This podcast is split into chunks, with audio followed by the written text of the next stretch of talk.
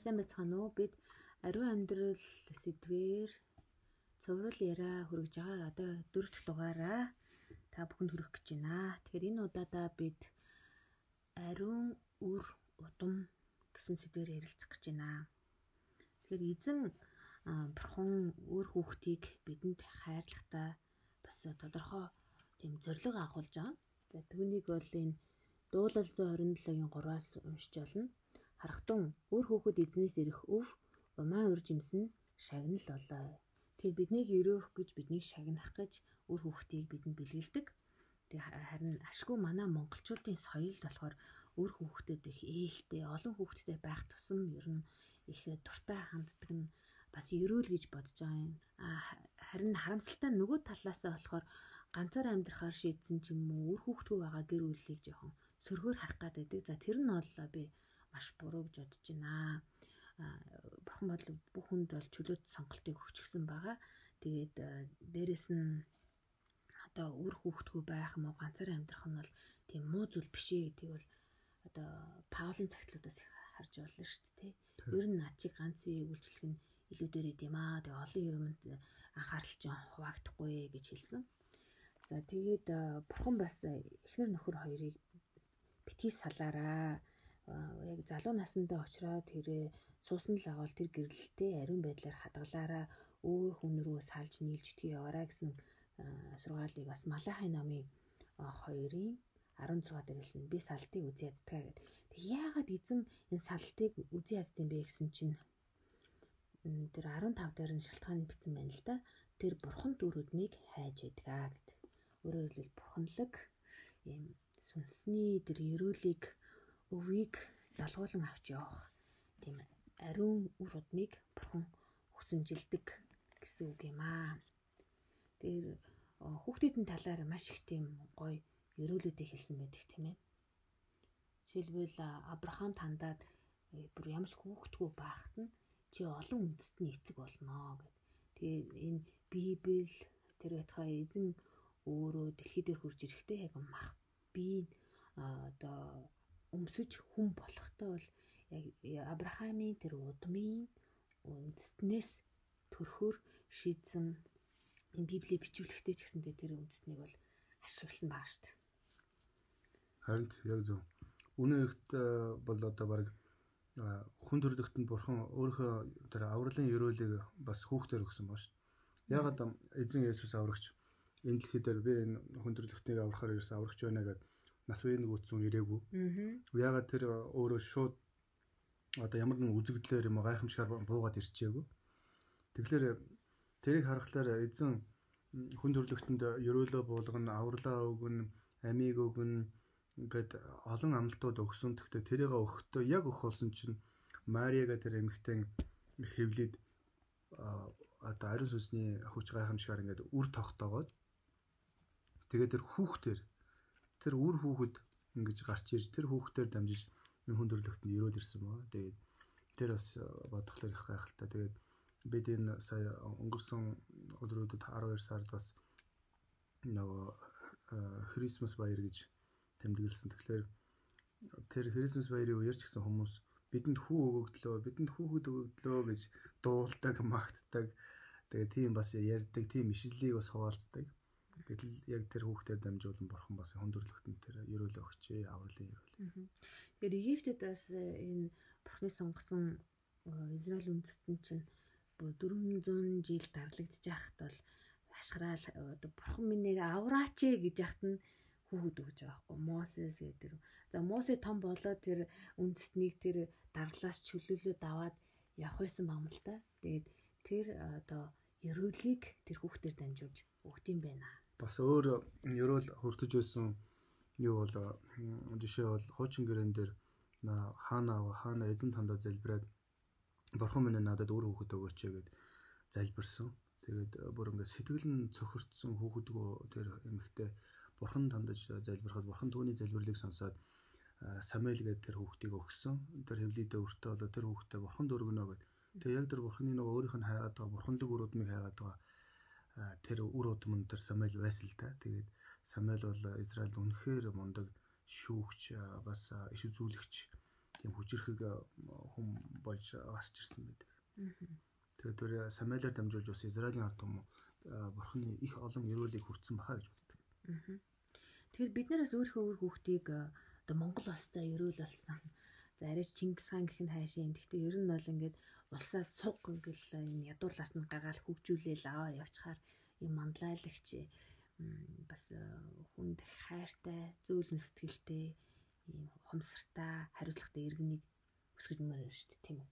За тэгвэл тэрний одоо гарын авлага гэх юм уу яаж ийм хүүхдийг өсгсөн бэ гэдэг дээр нь суралцахаар тийм гоё жишээнүүд байна уу? Одоо Авраамийн одоо хүү байна л да амлалтаар ирсэн тэр бурхан Авраамд өөрөө хүүхдгүү байхад нь би чамд одоо хүү өгнө хүүхэд өгнө гэд тэр амлалтаар тэр Исаак өндөр настай байх үед нь Исаак ирсэн.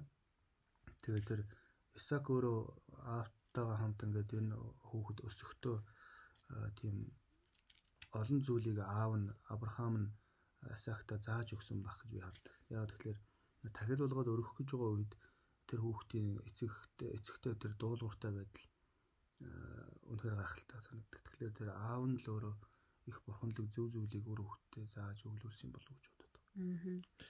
Тэгээ Еврей намын 11-ийн 8-аас унших юм бол итгэлээр Авраам өв болгон авах гэж яс нутг руу явхаар дуудагдахтаа дуулууртай байсан. А тэр хаашаа явж байгаагаа ч мэдлгүй гарч явсан.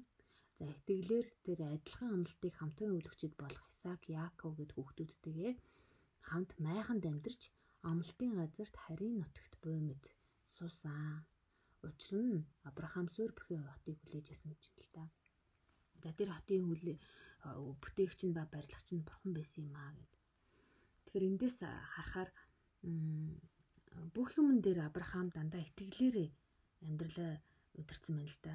За чи тэр газар нутг руу очиод амьдраа гэдэлхэд нь хаашаа явуулах гэж байгааг сайн мэдхгүй мөртлөө за би нэг газар очиод амьдрах хэрэгтэй юм байна гэд яг бурханд итгээд явсан. Тэгээ тэр нутг нь бол одоогийн Израилийн нутг баг шүү дээ. Израиль үндэстний. Тэгээ яг энэ Израильд зориулсан одоо нутаг газар шуроог би чамд болон чиний үр хүүхдэд өгнө гэхэд нь бол итгээд маш төвчээртэйгээр хүлээж бүр олон жилийн дараа бол өвлж авсан байна. За зарим нэг өрөөлөө бол Авраам өөрөө амьдтай биш харин өөр удам авсан тийм өрөөлөд байгаа. Гэхдээ гайхалтай нь болохоор одоогийн энэ маш өндөр хөгжилтэй Израиль гэдэг үндэстнийг тийм дээр үе дээрээс ганцхан хүн байхад нь л бурхан дуудаж тэрийг анханаас нь маш зоригтойгоор бол бүтээсэн байгаа юм л та. Тэр энэ үндэстнүүдийг бий болгож байгаа эзний тэр хүсэл эрмэлзэл зорилгыг би их талархаж хүлээж авдаг л да. Тэгээ энэ талаар Үлс намын 17-гийн 24 дээр ертөнц хийгээ түнд орших бүхнийг бүтээсэн бурхан бол тэнгэр газрын эзэн мөн учраас гараар бүтээсэн сүмд оршдгоо маа. Тэрээр өөрөө ам амьсгал хийгээд хамаг юмсад өгдөг учраас ямар нэгэн юмар дутагдсан юм шиг хүний гараар үйлчлүүлдэг юм аа. Бурхан газрын чэйжээр амьдруулахаар нэгнээс хүмүүн төрлөختний үндэстэн бүрийг бүтээж тоглосон цаг хугацаа болон тэдний нутаглах хил хязгаарыг тогтоосон нь хүн бурхныг ирж хайж түнд хүрч түүнийг олоосэй гэснийх үлээ. Тэр бид бүхний хинээсэн ч олгүй байдаг. Одоо хүмүүсийн бол төсөөлөлмөргүй гой зорилгыг энэ үндэстэн бий болгохдоо эзэн тавьсан байна л та. Тэрний юу гэхээр эргээд намайг ирж хайгаач ээ. Надад хүрээч ээ. Намайг олооч ээ. Тэгээд тэгж одоо зорихтой бас үндэстэн бүрийг бүтээхдээ тоглосон цаг хугацаа болон тэдний нутаглах хил хязгаарыг тогтоосон. Тэгэхээр Монгол улс өнөөдөр ийм дархан хилтэй байгаа нь одоо хурш орнуудтайгаа ялангуяа хятад улстай ямар ч хилийн маргаангүй байгаа нь бол яахааргүй бүргийн хил хязгаарыг тогтоогод өчгсөн юм бурхны өрөөл яваад байгаа нь эндээс харж олж ийн л та.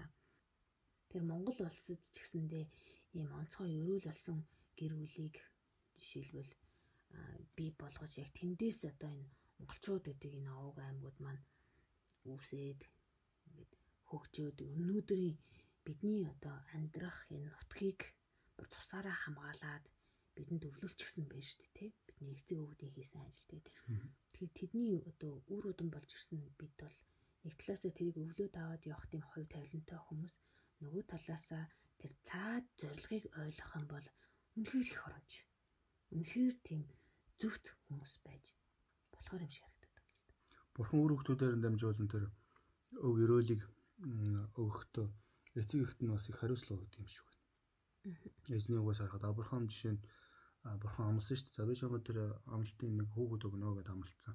Тэр ерөөл тэрүүгээр нь ерөөл ингээ бууж ирэх гээд үндэстэн өрөөгдөг гэж байна. Гэхдээ тэр хүүхдийг ирэхээс өмнө болохоор Авраам Сара хоёр бас алдаа гаргасан байна тий.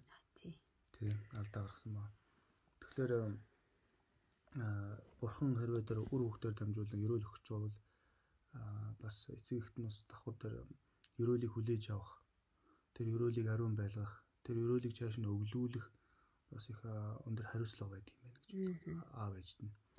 Тэр эргэл нөгөө нэг гэр бүлийн харилцаагаа эмгэгцэгтэй байлгах нь өөр хүүхдийн зүрх сэтгэлд ч гэсэндээ ямар их хамгаалт аюулгүй байдлыг мэдрүүлэх үү те.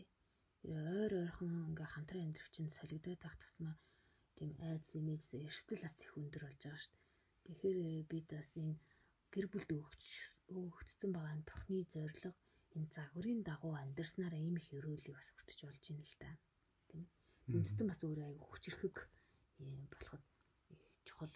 Тэгээд Библиэлд бас энэ өрөөлийг үр хөвд болсон өрөөлийг авахд эсвэл авсан хойно эцэг эхчүүд хариуцлагатай байгаа зогсохгүй одоо хэрвээ Библиэлд одоо жишээ нь 1-р Тимотийн 5-р бүлгийн 4-р ишлэл дээр болохоор бэлэвсэн хэн нэгний үр хөвгөд эсвэл ач хүчтэй бол тэднийг нь юуны өмнө өөрсдийнхнийгөө хүндлэхэд болон эцэг эхийнхээ ачийг хариулахад суралцуулаа. Учир нь энэ бол энэ нь бурхны өмнө тааламжтай гэж хэлсэн.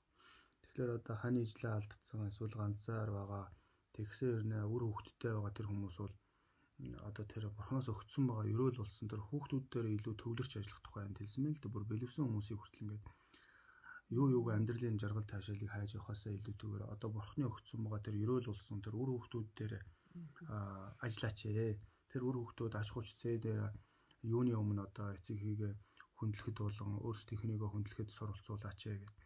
Тэгээ тэр хийлгээд байгаа хариуцлага хариуцлага өгөөд хийлгээд байгаа тэр бурхны ажил нь өөрөө энэ бурхны өмнө өөрт нь их тааламжтай зүйл гэж бодож байна. Бурхан тэгэхээр их дуртай. Тэгээ бурхан өөрөө их дуртай тэрэнд тааламжтай байгаа байхгүй. Тэгээ тэгээ юун дуртай байдаг гэхээр эцэг ихтэй тийм хүндлэлтэй ачийг нь хариулах юмсан гэсэн зүр сэтгэлтэй хүүхдэд бурхан тааламжтай ханддаг болох гэдэг дээ. Тэр чинь бас нөгөө 10 тушаалтай ч холбоотой ингээд цааш явах боломжтой. Яг тэгэхээр 10 тушаал дээр эцэг ихээр хүндлээ. Инх юм л дэлхий дээр урт наслнаа газар дэлхий дээр өгөх газар дээр урт удаан наслна гэж хэлсэн. Эцэгхээ хүндэл а бас шинэ гэрэн дээр ч гэсэн эзэн дотор эцэгхээ хүндэл гэсэн үг явдаг. Тэгэхээр энэ зүйлээс эхлээл тийм бурханлаг өрөөдөн бурханы хүсэж байгаа таалж байгаа тааламжтай тийм үр хөвгтүүд өсөж өндөснөөрөө тэр үр хөвгтүүдээр дамжуулаад тэр хүний үр удамд бас бурханы өрөөл орж ирдэг юм болов. Тэр гэр бүл тэр үндэстэн өрөөгдөх нь шүү дээ тий. За ийм чухал хариуцлагатай хөөргийг бид нэр хүлээж байгаа юм байна. Тэгээ та бүхэндээ амжилт хүсье. Баяр таа. Баяр таа.